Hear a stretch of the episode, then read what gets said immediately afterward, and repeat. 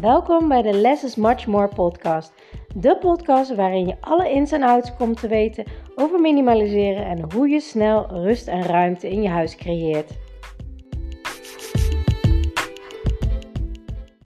Ontzettend leuk dat je weer luistert naar mijn podcast. En vandaag heb ik een minimaliseervraag voor je. En dat is als volgt. Hoeveel dekbedden heb je in huis? En dan heb ik het echt over die fluffy dekbedden die op je bed liggen, hè, waar je op slaapt. Dus geen uh, andere dekentjes of dingetjes, nou echte dekbedden.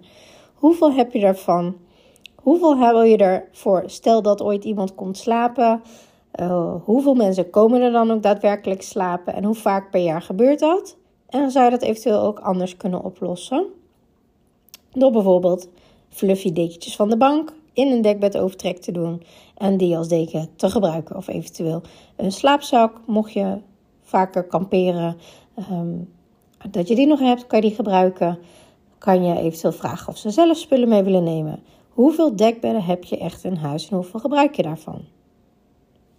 Ik ben heel erg benieuwd. Fijne dag! Super leuk dat je naar deze podcast hebt geluisterd. Ik hoop dat ik je mee heb kunnen inspireren en motiveren. En laat me vooral in mijn DM weten in, op Instagram of deel het in je stories wat je uit deze podcast uh, hebt gehaald en wat je gaat toepassen. En voor nu wil ik zeggen: less is much more.